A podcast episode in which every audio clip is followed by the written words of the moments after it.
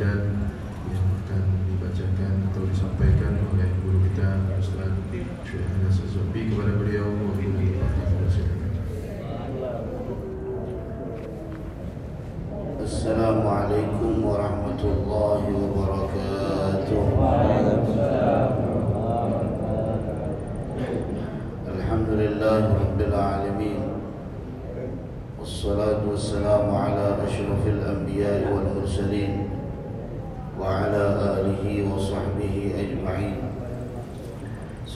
سبحانك لا علم لنا إلا ما علمتنا إنك أنت العليم الحكيم.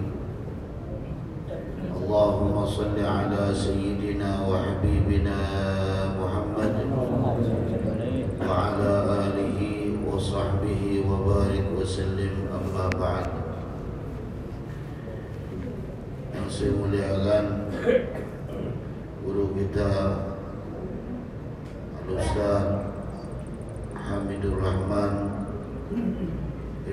Ibn Al-Ustaz Al-Had Uthman Ralibi serta para jemaah sekalian Saimin, saimat yang dirahmati oleh Allah Subhanahu wa taala. Alhamdulillah kita bersyukur kepada Allah yang telah menganugerahkan kepada kita nikmat iman dan Islam yang telah memberikan kepada kita nikmat sehat wal afiat dan keberkahan umur. Yang telah memudahkan langkah kaki kita menuju masjid ini untuk melanjutkan taklim zuhur Ramadan kita kitab Risalatul Mudzakarah. Salawat dan salam kita sampaikan dan kita haturkan kepada junjungan kita Nabi besar Muhammad sallallahu alaihi wasallam yang mana beliau Rasulullah telah membawa kita dari jalan yang gelap gulita menuju jalan yang terang menerang yang disinari oleh iman wal Islam. Para jemaah sekalian yang dirahmati oleh Allah, mungkin tentang pembahasan yang sama pada pertemuan kemarin bab yang menjelaskan tentang takwa. Dan ini belum selesai. Banyak sekali para ulama yang membahas tentang makna daripada takwa ini. Dan pada saat ini adalah sesuatu jalan yang ingin menghilangkan kepenatan yang ada pada pikiran kita. Kenapa? Wa qala al-a'mash man kana ra'su malihi at-taqwa kallatil alsinah an wasfi ribhi. Barang siapa yang menjadikan modal dalam hidupnya itu takwa ya. Dia punya lidah itu letih untuk hitung untung. Tak selesai-selesai. Artinya adalah puncak di dalam kehidupan itu adalah ketakwaan kita kepada Allah Subhanahu wa taala. Mau cari apa? Dunia ada pada takwa. Kenapa hidup saya susah? Rezeki saya ini mampet ya sampai bahasa kita dengan suwe apa Bang tak ada kasih hidup saya ini suwe saya. Ini padahal Allah dan Rasulnya sudah memberikan jalan kepada kita. Takwa. Takwa. Modal segala sesuatu itu adalah takwa. Sampai kata beliau kalatil alsinah an wasbi ribhi lidah ni letih, hitung-untung itu bang. Kalau orang yang punya modal dengan takwa, mau rezeki takwa, ingin dibukakan jalan keluar dari segala apa pun urusan kita di dunia takwa. Dan Allah telah membuka di dalam Al-Quran, wa may yattaqillaha yaj'al lahu makhraja wa yarzuqhu min haitsu la yahtasib wa may yatawakkal 'ala Allah fa huwa hasbuh. Inna Allah balighu amri qad ja'ala Allah li kulli syai'in qadra. Ya. Di sini kalau kita kaji di dalam bahasa Arabnya saja, tetap seorang itu pasti akan yakin. Karena di sini ada letak kepastian dalam janji Allah Subhanahu wa taala. Wa may yattaqillaha terdiri daripada syarat dan jawab syarat atau syatul jawab. Sehingga dia jadi majzum dia ja'allahu makhraja. Kalau andai kata di sini Allah berfirman wa may yattaqillaha yaj'alu lahu makhraja jadi rafa di situ kita tidak percaya. Mungkin bisa jadi ini benar atau bisa jadi ini tidak tapi Allah sudah menjawab ya ja'allahu makhraja. Itu menunjukkan suatu kepastian jawaban dari yang takillah ini. Siapa yang bertakwa kepada Allah Subhanahu wa taala akan dibukakan jalan keluar. Jalan keluar apanya? Intinya ketakwaan. Ya. Dilanjutkan lagi dengan wow yang mengikuti yarzuqhu sehingga tidak menjadi yarzuquhu. Ya disukun di sini mengajak tentang keyakinan kita bahwasanya Allah menjawab di balik wa may diyakinkan pasti rezeki itu akan datang dari segi yang tidak terkira. Ya ya namanya rezeki itu jangan selalu kita nilai dengan tulus ya. Rezeki itu ada rezeki hissi ada rezeki maknawi. Gitu. ya rezeki diberikan oleh Allah saat ini rezeki. Ya. Kita bisa memahami Allah Subhanahu wa taala rezeki. Kita bisa duduk melakukan salatul zuhur pada saat ini. Ya di waktu diperintahkan oleh Allah setelah selesai salatul zuhur rezeki kita bisa duduk mendengarkan taklim pada saat ini, mendengarkan hikmah, rezeki. Ya. Jadi jangan kita maknakan rezeki itu sesuatu yang berhubungan dengan hal duniawi saja. Ya. Ketika Allah memberikan dalam suatu kenikmatan kepada seorang hamba maupun nikmat itu yang berhubungan zahir atau berhubungan batinnya, maka itu adalah rezeki. Karena makna secara umum rezeki itu adalah pemberian. Pemberian Allah Subhanahu wa taala. Ya. Jadi di sini takwa itu jadikan modal. Ya. Kalau kita modal kerjanya di dunia dengan modal semangat dapat pun untung kita untungnya tidak seberapa ya untungnya tidak seberapa tapi kalau sudah kita menjadikan modal dalam kehidupan itu takwa, kita akan diberikan oleh Allah untung yang tidak akan terhitung. Saya berapa kali nemukan para ulama yang yakin kepada Allah Subhanahu wa taala luar biasa. Ya. Itu mampu untuk melakukan sesuatu yang di luar nalar kita. Ya. Kita lihat Pondok kita itu, tanya Ustaz Hamid, pondok kita itu kalau dikaitkan dengan uang bulanan, ya, pondok dalua itu dengan pembangunan yang ada itu tak ada untung rugi. Uang bulannya cuma 500 ribu untuk makan. Iuran 150, pondok Pontianak ada sampai juta lebih. Subhanallah sekali bangun sampai miliaran beli tanah. Kenapa? Karena kalau udah takwa itu tertanam di dalam hati seorang hamba, tidak ada rasa takut dia akan suatu hal yang berhubungan dengan dunia.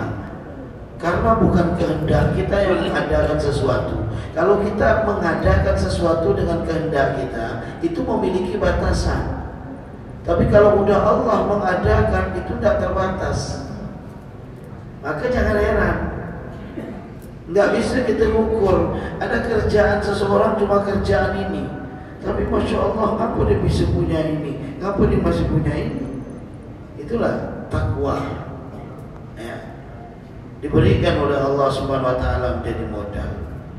Kemudian Al Imam Bishr Al Hafi memiliki suatu nasyid dalam nasyid beliau dibalik daripada takwa ini bukan hanya semasa hidup saja. Sampai kita meninggal dunia pun takwa itu begitu dibutuhkan. Takwa itu akan orang yang bertakwa itu akan selalu disebut. Jadi orang itu wafat padahal dia tidak. Ya. Apa? Mautut taqiyyi hayatun la nafada laha qad mata qaumun wa hum fin nasi ahya. Wafatnya orang bertakwa itu hidup yang tidak ada kesudahan bagi dirinya. Tidak ada kesudahan. Setelah wafat suatu kaum di kalangan manusia padahal pada hakikatnya dia itu adalah hidup. Orang takwa itu gitu. Kisahnya itu akan selalu disebut ya Jangan jauh kita. Allah yarham. Ya. Guru saya apa beliau Al Ustaz Haji Usman Ghalib ni. Mudah-mudahan Allah berikan pengganti-pengganti seperti beliau. Kesabaran yang begitu luar biasa. Ya, saya tidak pernah lihat beliau marah, senyum aja. Ya.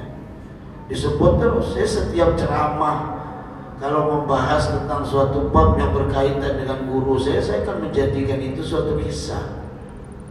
Jadikan satu kisah. Kecintaan beliau dengan rumah Allah menyebabkan beliau wafat di rumah Allah Subhanahu wa taala. Sampai saat ini kita sebut terus. Ramadan tahun lalu kita ketemu beliau, Ramadan tahun ini tidak memandang. Tapi seakan beliau itu adalah hidup kisahnya akan selalu ada ya. akan ada cerita bagi anak cucunya yang tiada hentinya untuk disebut. Kenapa? Karena ketakwaan seseorang kepada Allah Subhanahu wa taala. Ketakwaan. Pengarang kita ya. Al-Imam Al-Habib Abdullah bin Al Haddad selalu disebut Bagaimana kisah dalam kehidupan beliau? Kenapa? Ketakwaan beliau kepada Allah Subhanahu wa taala. Jadi orang yang bertakwa itu tidak akan ada istilahnya umur itu habisnya. Takwa itu akan selalu disebut. Wafatnya orang bertakwa itu kehidupan yang tidak ada setelahnya, tidak ada kesudahan setelahnya. Kalau kita kan ada kesudahan, udah kita hidup mati. Ada tapi ketika ketakwaan kita pegang di dalam hidup kita, ketakwaan itu menjadi modal di dalam jalan kita, selama-lamanya itu akan disebut. Ya. Subhanallah. Saya sempat ini kisah nyata kepada saya langsung. Waktu saya ngantar anak saya pertama pesantren, ya, Sambil juga ada. Jadi waktu itu saya sendiri saya pergi berdua saya. Pergi ke alun-alun saya pengen minum STMJ STMJ ya. STMJ itu kan nyaman tuh dalam yote. Siang ini saya pergi ke alun-alun saya minum ya. Semua tukang becak itu saya panggil yang duduk di sekitar situ. Yuk yang mau mangan mangan yang mau minum-minum tak bayarin kata saya. Karena saya mikir jauh tak semahal itu mereka pun minum mereka pun udah yang buat saya nangis itu apa? Mereka nyebut ya Allah katanya dulu di masjid Jami ini ada almarhum Habib Hasan Baharun asal keluar dari masjid kami diajak makan kami diajak minum persis seperti anda. Nangis ya yang pasti nangis itu apa? Ini beliau sudah wafat puluhan tahun.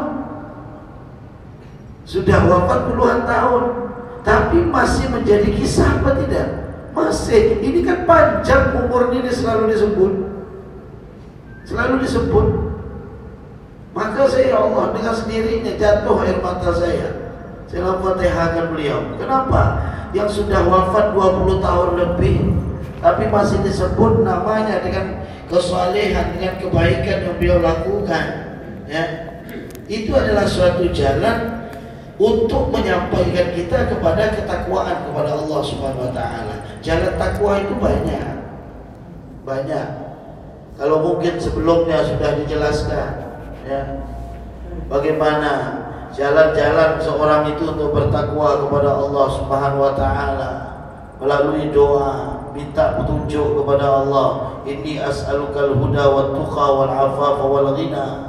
Ya. Minta kepada Allah petunjuk, minta kepada Allah ketakwaan karena Allah memberikan kita ketakwaan. Takwa itu tidak terhubung dengan jiwa kita. Takwa itu tidak berhubung dengan lidah kita. Tapi takwa itu langsung terhubung dengan hati. Takwa itu hati. Kalau sudah berhubungan dengan hati, itu tidak ada lagi hubungan antara dia sesama makhluk tapi hubungan antara Allah Subhanahu wa taala. Sehingga tidak bisa seorang itu untuk menyebut seorang bertakwa kecuali Allah yang memberikan predikat kepada seorang hamba dengan ketakwaan itu. Tidak bisa. Ya. Nah, setelah wafat baru nampak Baru nampak ketakwaan yang hakiki itu nampak biasanya setelah wafat. Kenapa? Akan ada kisah dibalik daripada kebaikan-kebaikan yang dilakukannya. Ya.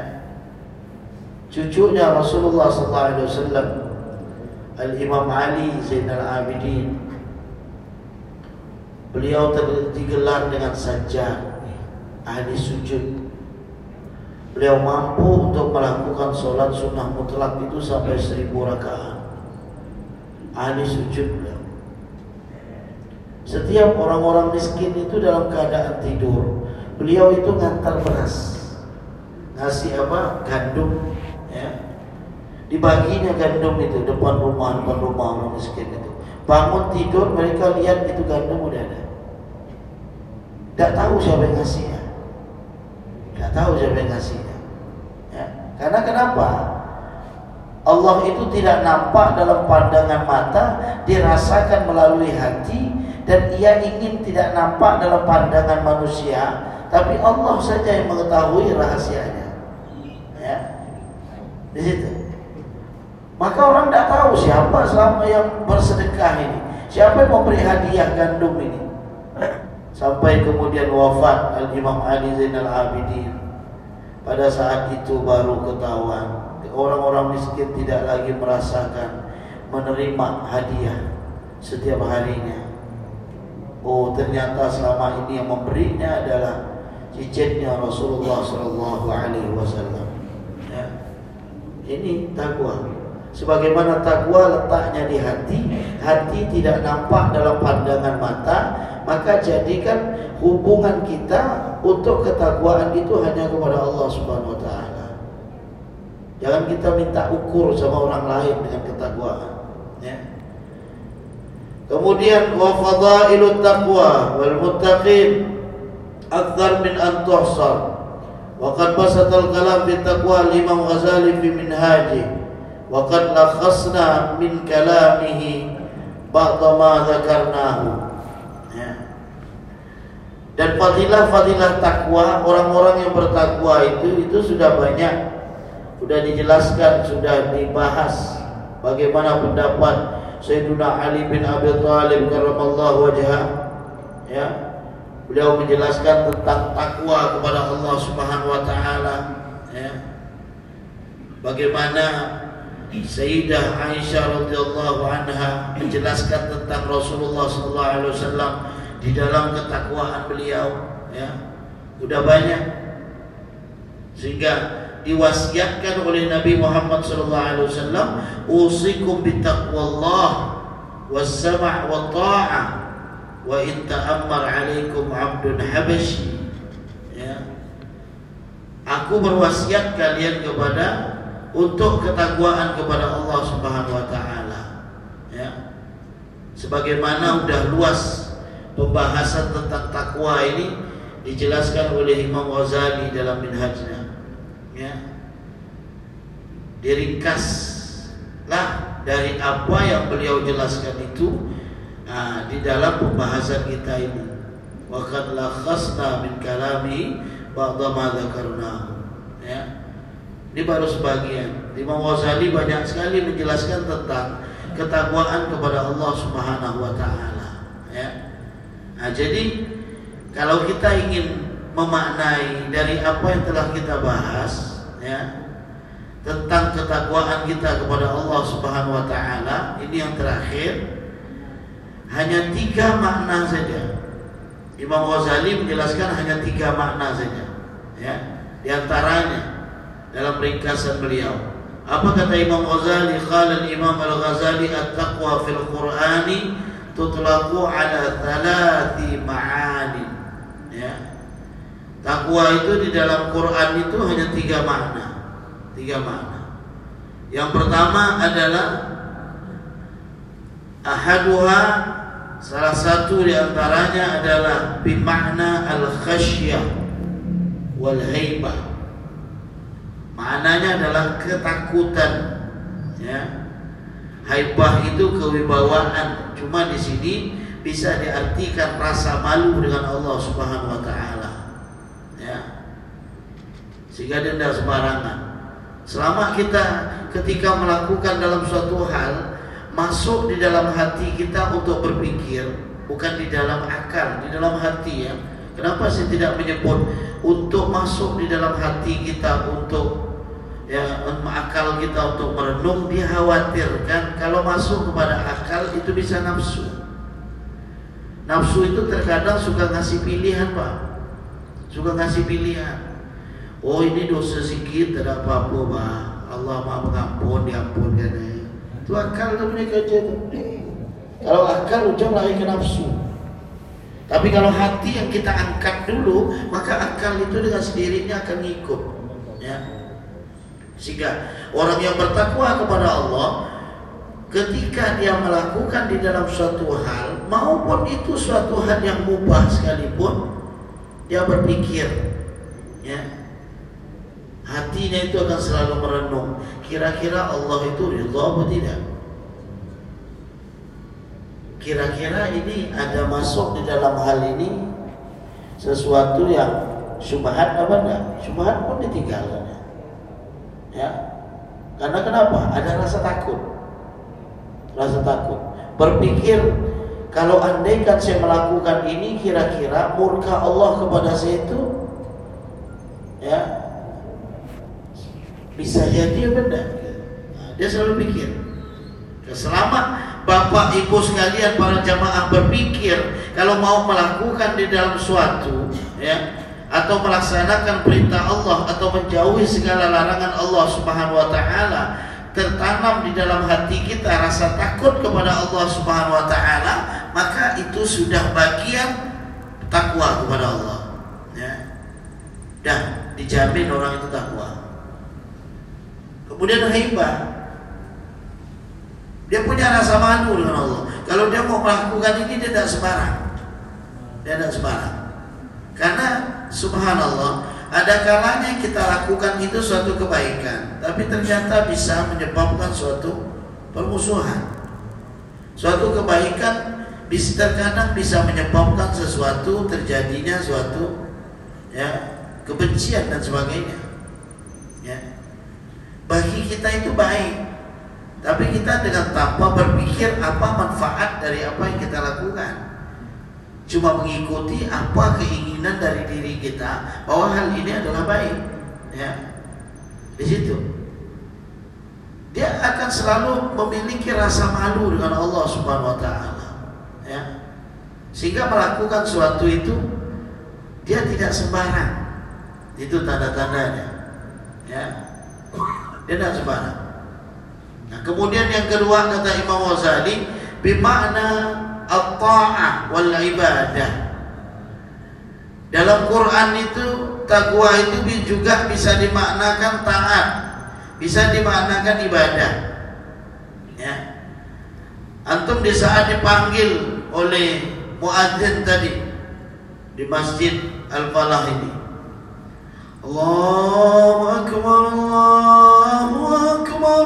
Antum pun langsung pergi dari rumah. Ada yang sudah nunggu di masjid ini. Masya Allah. Dari jam 10 sudah nunggu di masjid ini.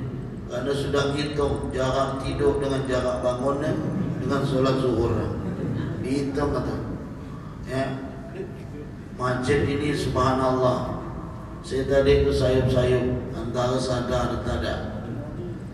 Tapi dalam pikir kan yang penting duduk tidurnya kita itu duduk. Jangan sampai tersandar, angkat kita punya anak, butuh lagi. Sudah sejuk luar biasa sudah.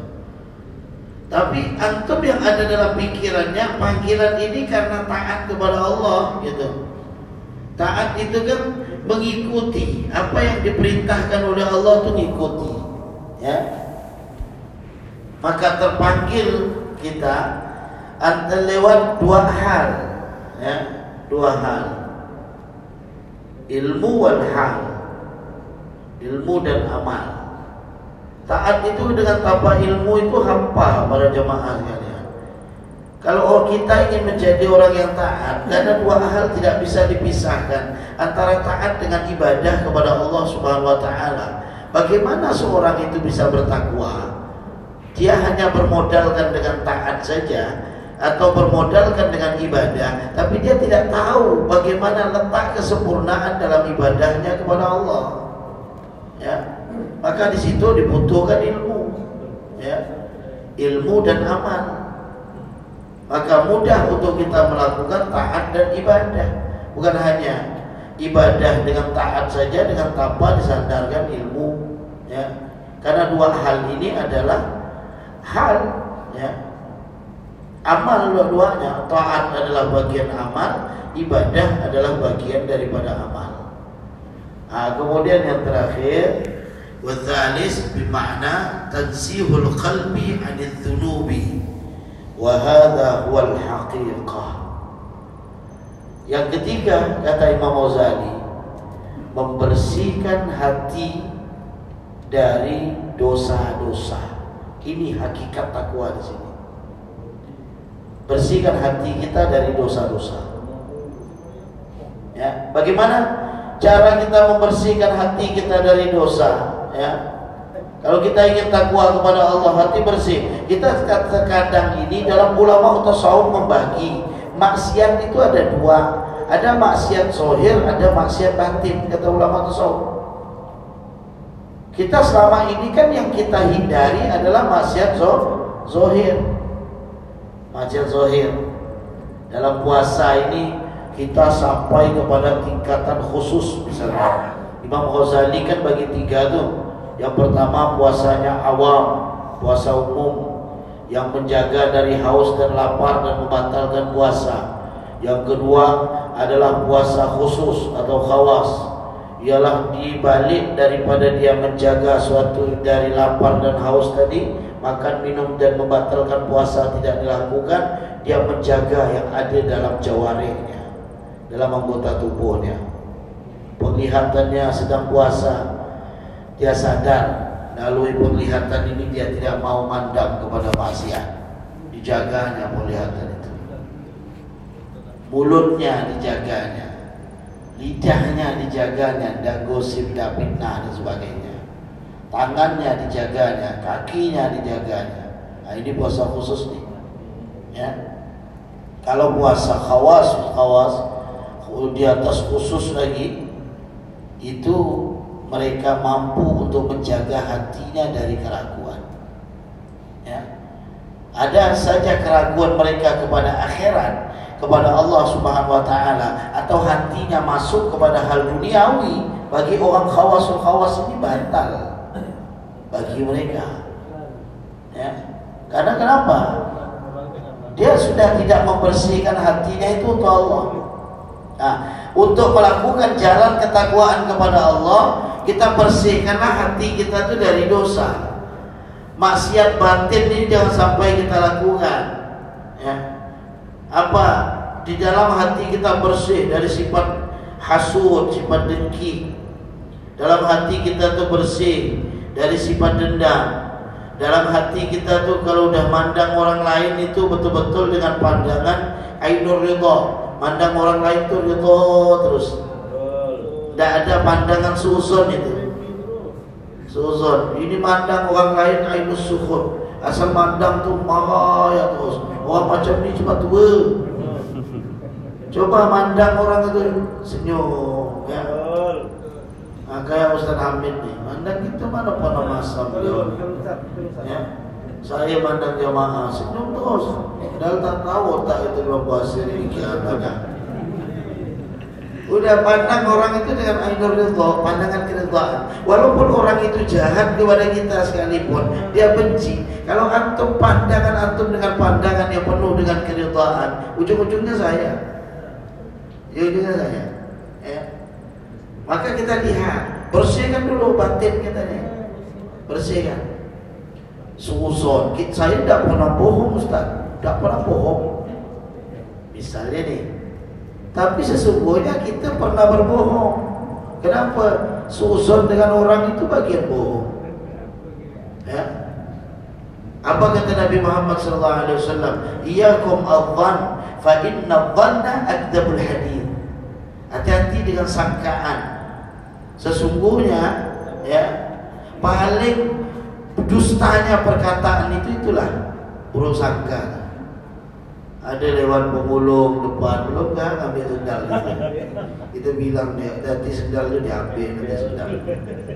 Dah mulai susun ya, ya. Nah, yang ada dalam hati kita tu kikis. Kalau hati itu sudah kita kikis bagaimana caranya untuk membersihkan hati kita dari dosa-dosa caranya ya zikrullah zikir kepada Allah Subhanahu wa taala zikir ya maka para ahli zikir memberikan kepada kita bagian tiga hal. Zikir dengan lidah la ilaha illallah. Zikir dengan hati Allah Allah. Ya kan tujuh latifah tu kita bantai. Oh yang paling susah tu latifah apa? Latifatul qalbi yang paling bahaya tu. Itu berapa ribu? Lima ribu. Kalau yang lain latifah tu cuma seribu ya. Seribu saja. Allah Allah Allah Allah. Tutup bersihkan ya hati kita ya. Ada ulama besar menjelaskan di dalam hal itu. Ha. jangan kita lari ke sir lo hu hu hu hu hu sir tapi hati dulu bersih dia punya zikir masya Allah. Tapi kalau sekali tahu teguran orang sampai ketemu puasa tahun depan tak lagi. Ya. Dia punya hati itu masih ada hitam-hitamnya. Lalu di mana letak hubungan zikir kita kepada Allah Subhanahu wa taala? Maka bersihkan hati kita dari dosa.